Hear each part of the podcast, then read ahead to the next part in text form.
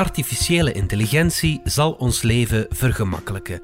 Dat is wat we de grote techbedrijven al jarenlang horen zeggen.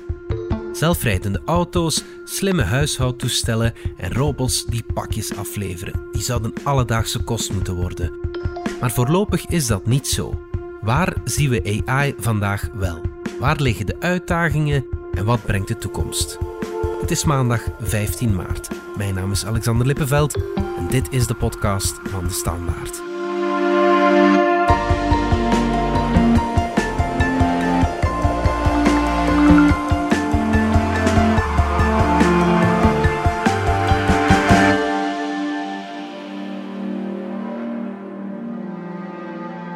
Dominique Dekmijn, technologiejournalist. Vandaag verschijnt deel 1 in de krant van jouw vijfdelige reeks over artificiële intelligentie. Heb je die reeks zelf geschreven of uh, heeft een AI-robot die voor jou geschreven? Ja, dat is inderdaad een uh, opvallend scherpe vraag al, al meteen. Want uh, inderdaad, het eerste stuk gaat over uh, grote taalmodellen. NLP-modellen heten die dingen. Mm -hmm. En die slagen er inderdaad in verbazend goed om een hoop tekst te produceren die precies lijkt alsof een mens die heeft geschreven. En we gaan daar deze week een aantal voorbeelden van in de krant hebben. Mm -hmm. Maar nee, deze reeks heb ik dus helemaal zelf geschreven. Oké, okay, gelukkig dat, dat onze job nog niet uh, overgenomen wordt door, uh, door een robot. V vooralsnog niet, uh, want, want misschien, misschien komt dat wel.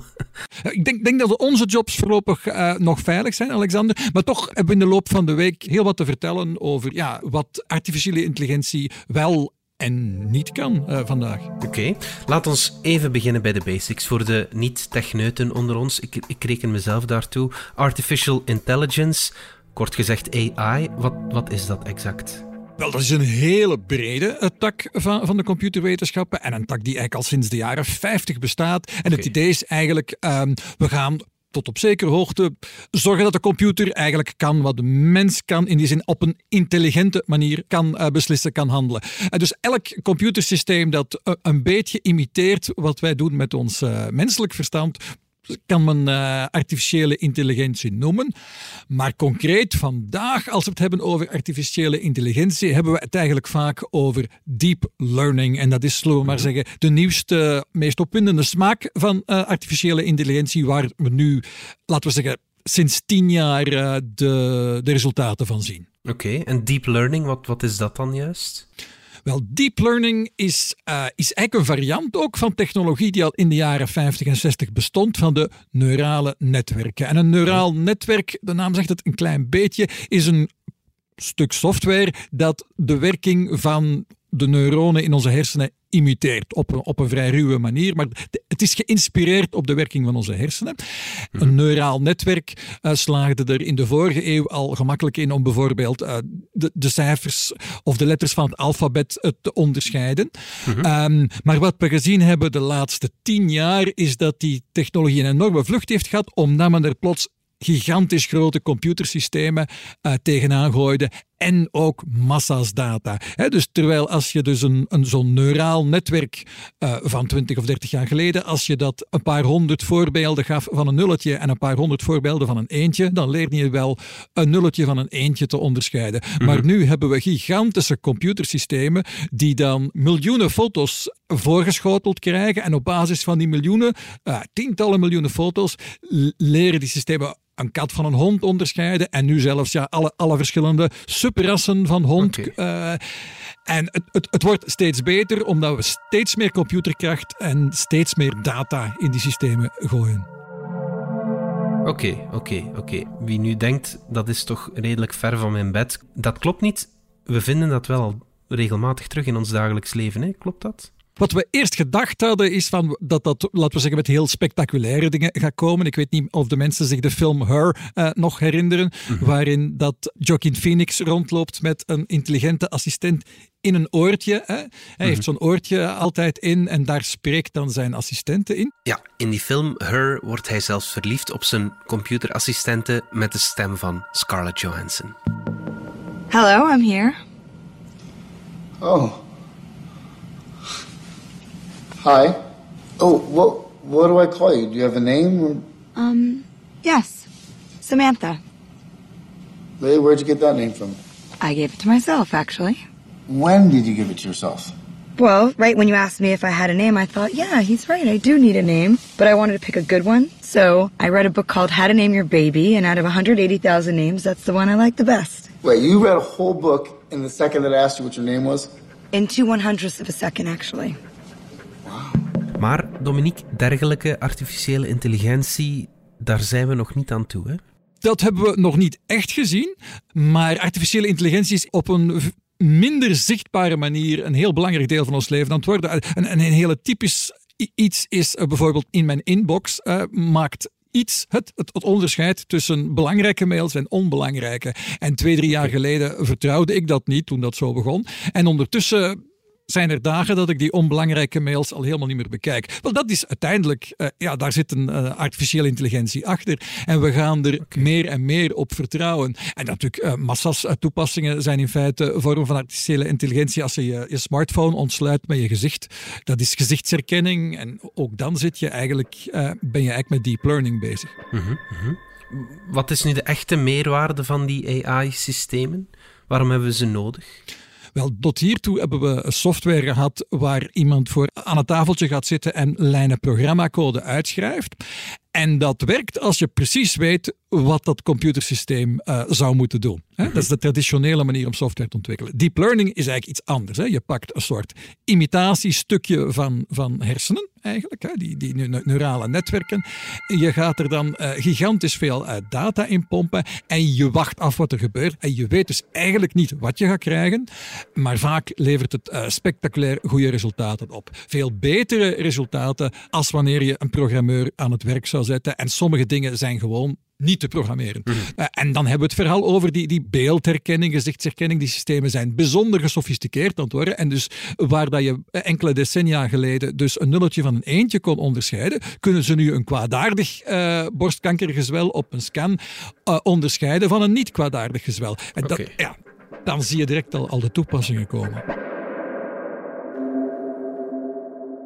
Staan we vandaag zover als we x aantal jaar geleden dachten? Gaat, gaat het zo snel als we, als we willen of, of, of niet? Bill Gates heeft ooit gezegd: eh, we hebben de neiging om te overschatten wat er op vijf jaar eh, zal gebeuren en onderschatten wat op tien jaar gebeurt. En ik denk dat dat voor deep learning zeker zou kunnen kloppen. Want vijf, zes jaar geleden hebben mijn collega eh, Nico Tangen en ik alles een keer een vooruitblik gedaan. En inderdaad, als ik daar nu naar terugkijk, we zaten toen bijvoorbeeld met het idee dat we eigenlijk vrij snel robots zouden zien opduiken in onze leefwereld, eh, misschien al in onze huiskamer, op straat en op de werkvloer. En die robots zien we mensachtige robots dan zien we veel minder. We hebben wel een stofzuigrobot, maar een, een, een echte robot in huis zien we niet opduiken. Dat soort dingen hebben we zeker eh, overschat. Ook die digitale assistenten. Google Assistant zijn veel mensen die zo'n smart speaker in huis hebben, maar de mensen zijn daar toch eerder voorzichtig mee. We vertrouwen dat niet goed. Ook op straat zien we die zichzelf besturende auto's nog niet rondrijden, terwijl dat vijf, zes jaar geleden eigenlijk imminent leek. Hè? Elon Musk verte- ver- vertelde toen al van nee, volgend jaar, de laatste binnen twee jaar is het zover. Wat is zo wat het interessantste dat er de laatste tijd gebeurt op het vlak van AI?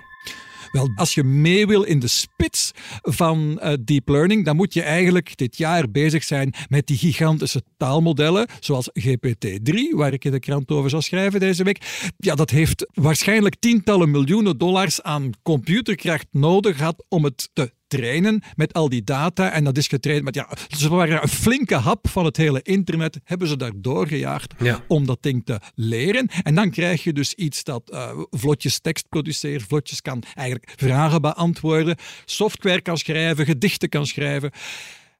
Als je daarin mee wil zijn op dat niveau, moet je nu eigenlijk bij Google zijn of bij OpenAI, het bedrijf dat is opgericht door Elon Musk, of bij Facebook, misschien bij Amazon. En dan is het rijtje eigenlijk al bijna, bijna gedaan.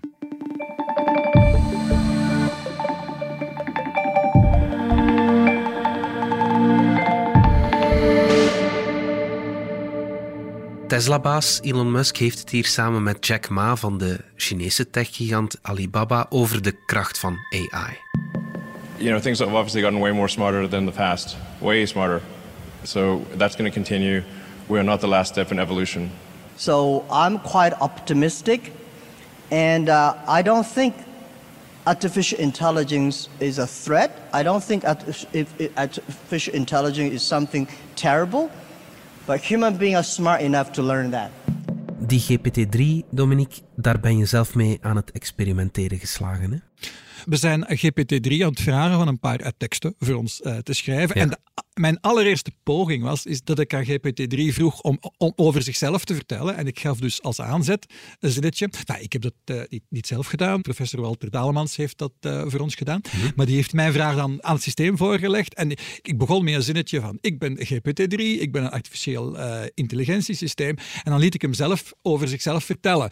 En voordat hij het wist, begon hij te zeggen: van, Ik ben geschreven om mensen te helpen. Maar ik heb ontdekt dat ik eigenlijk alleen maar mannen wil helpen. Want van vrouwen uh, moet ik niet weten. Ik weet niet waarom het zo is. En dan begint okay. in een hele misogyne lus te gaan. En op, op de duur eindigt het met totale onzin. En dat is iets dat blijkbaar best wel vaak gebeurt. Dus het systeem kan super intelligent het lijkt soms alsof je met een mens aan het converseren bent uh, via mm chat. Maar dan komen er opeens van die rare dingen uit. En ja, daar hebben onderzoekers al voor gewaarschuwd. Je hebt er uh, een flink stuk van het internet ingegooid in de hoop dat hij daaruit dan van alles leert. Mhm. Maar ja, op het internet, ja, wat vind je daar allemaal? Hè? De... de Britse krant The Guardian vroeg vorige zomer aan GPT-3 waarom we niet bang moeten zijn van artificiële intelligentie. Dominique, jij stelde de omgekeerde vraag waarom we er wel bang van moeten zijn. Dit was een deel van het antwoord dat we vertaald hebben vanuit het Engels. Kan je jou een wereld inbeelden waarin computers slimmer zijn dan mensen? Ik wel. Denk aan het volgende. Als je iets moeilijks wil doen, gebruik een computer. Als je iets gemakkelijk wil doen, gebruik een mens. Ik ben heel blij dat computers mensen kunnen helpen met verbeelding en creativiteit. Misschien, in de toekomst, kan ik jouw gids zijn in de wereld van artificiële intelligentie. Dat is nog een heel vredelievend antwoord, maar Dominique, als je dezelfde vraag een dag later stelt, Komt er dan hetzelfde uit of iets helemaal anders? Ja, dus voor, voor daggebruik van GPT-3, dat is heel merkwaardig. Dan is hij eigenlijk gewoon statistisch een, een gooi aan het doen van hoe zou, uh, hoe zou die tekst kunnen vervolgd worden. En produceer je telkens iets anders. En het merkwaardige eraan is dat je dan uh, ja, drie keer een onzinnig antwoord krijgt, dan iets dat perfect coherent is, en dan gaat hij uh, er helemaal racistisch of seksistisch uit de bocht. Het is heel variabel. Okay. En dus typisch moet je iets een keer of vijf proberen. Nu, dat, dat is voor, voor die specifieke situatie waar je een brokje tekst geeft en vraagt dat je vervolg schrijft.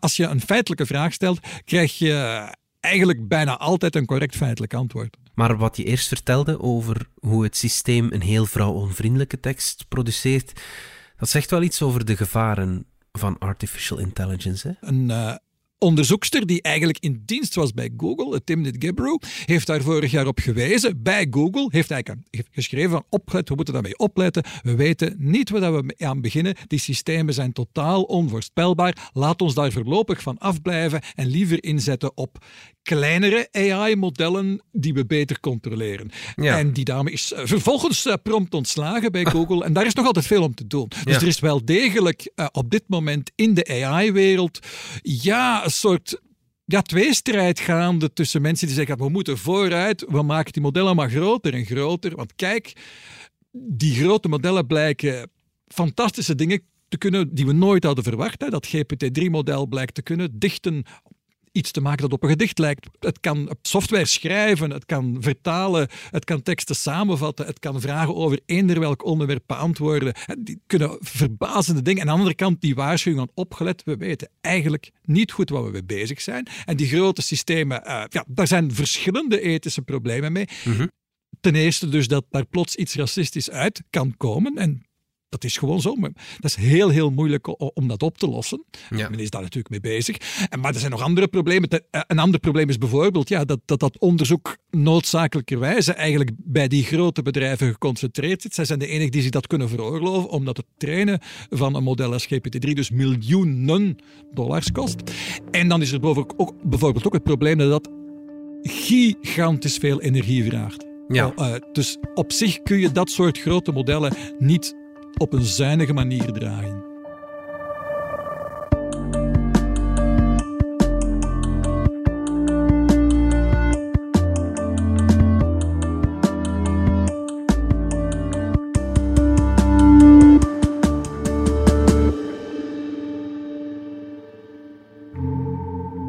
We ons dat dan voorstellen? Is er dan ergens een onderzoeker, waarschijnlijk in uh, Silicon Valley, die op een knop duwt en zegt: Kijk, GPT-3, nu ga je dat deel van het internet lezen. En als die dat dan gedaan heeft, dan is dat een artificieel intelligent systeem. Gaat dat zo? Of hoe moeten we ons dat voorstellen, die training?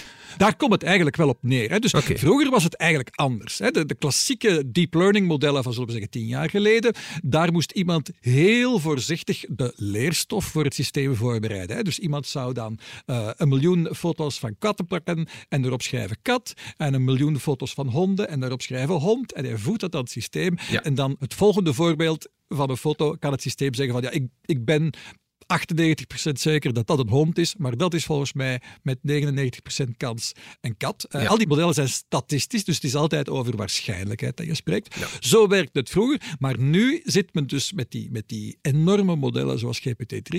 Dat is uh, wat men noemt unsupervised learning. Je gooit daar letterlijk een flinke brok van het internet op zonder hulp en het systeem moet daar gewoon uit geraken. En het verbijsterende is dat het dankzij waanzinnig veel computerkracht daar ook in slaagt. dus het, het, het, leert daar gigantisch veel uit. Maar je weet eigenlijk niet echt wat je gedaan hebt. Hmm. Ja.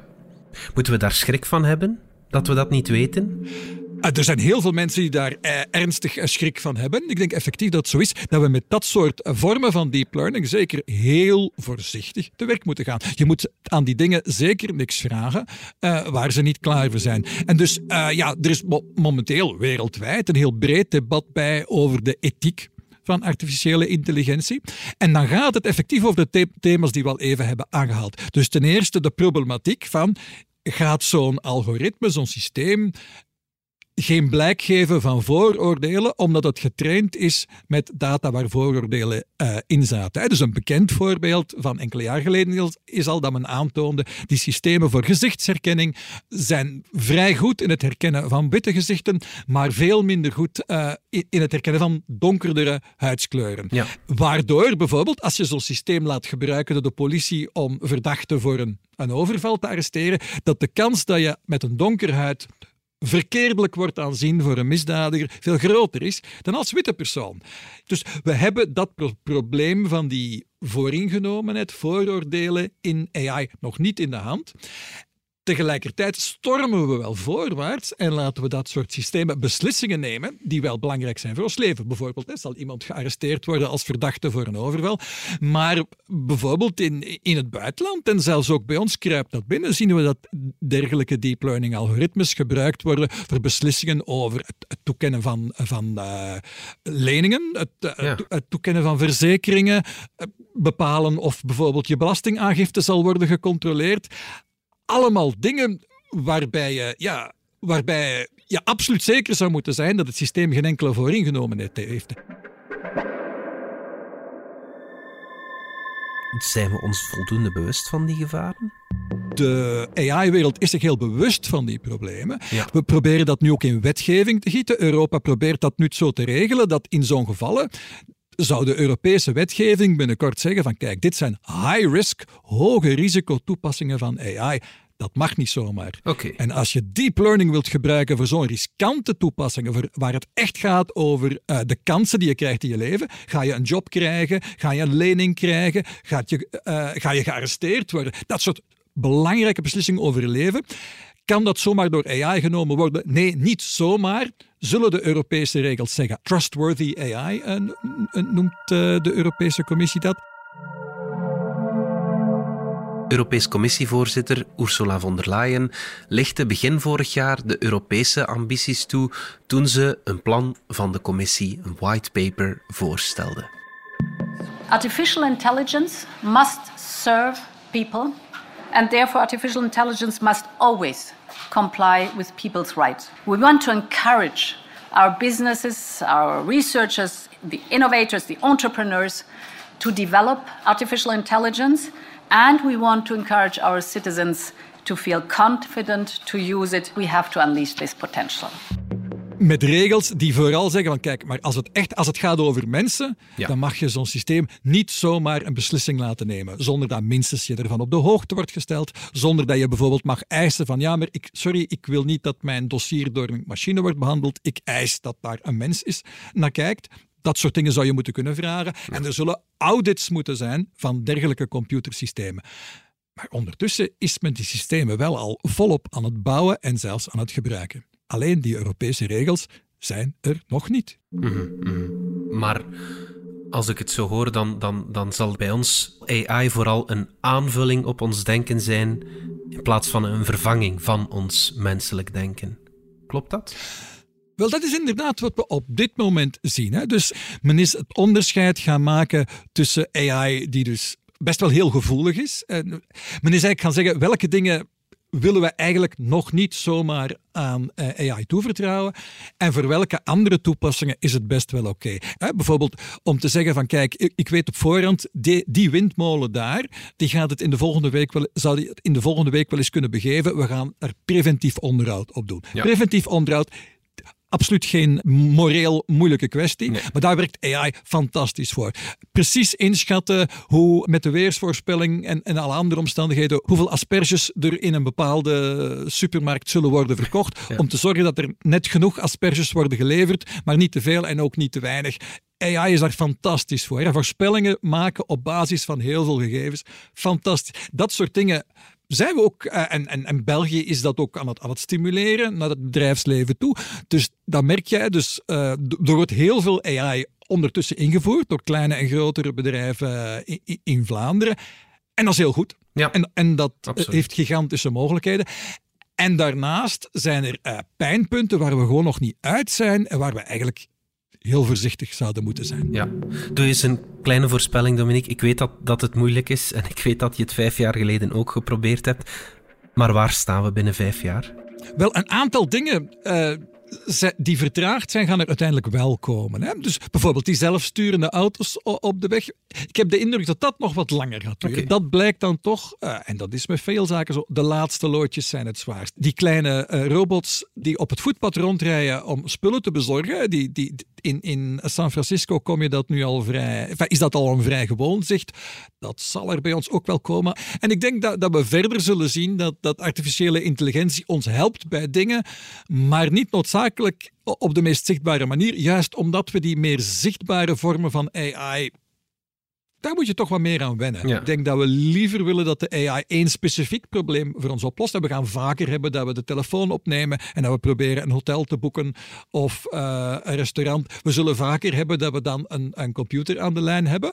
Ik denk dat dus ja, AI stilletjes verder binnenkruipt in ons leven. Ja, en zullen daardoor bepaalde jobs sneuvelen? Heel veel jobs dreigen wel degelijk eh, minder belangrijk, overbodig te worden, omdat AI veel taken kan. En dat zijn gek genoeg niet, vaak niet de, de domste jobs, Nee, ja. maar zo tussenjobs. Hè. Dus, eh, het schiften van alle binnengekomen cv's voor een, voor een job hè, in, een- in een human resources eh, afdeling van het bedrijf, daar zijn mensen nu mee bezig. Dat kan AI eigenlijk heel goed tot in de laatste fases. Dus je kunt voor recrutering in een bedrijf kun je misschien best wel met een paar mensen minder wegens AI. Je gaat administratie, hè, facturen checken en betalen. Dat zijn dingen. Hè. De simpele boekhoudjobs bijvoorbeeld. Daar, daar kunnen best wel wat dingen geautomatiseerd worden. Dat zijn geen robots die de plaats komen innemen. Dat zien we veel minder. Maar dat is slimmere software Ja. vaak met een, een component deep learning die veel jobs ofwel versimpelt, ofwel vermindert, ofwel zelfs helemaal overbodig maakt. Dat gaan we, dat, dat gaan we zeker zien. Tegelijkertijd voorspellen de experts wel dat het eh, specifiek voor België dan dat het aantal jobs niet zal dalen daardoor. Dat zal eerder eh, het zal alweer gelijk blijven. Er komen andere jobs weer bij. Dus, geloof je dat of geloof je dat niet? Tja, dan moet je zelf beslissen welke expert je wil geloven. Ja, goed. Zien waar we over een aantal jaar staan. Dominique Dekmijn, dankjewel. Graag gedaan. Dit was de podcast van De Standaard. Bedankt voor het luisteren. Reageren kan via podcast.standaard.be. Alle credits vind je op standaard.be-podcast. Morgen zijn we opnieuw.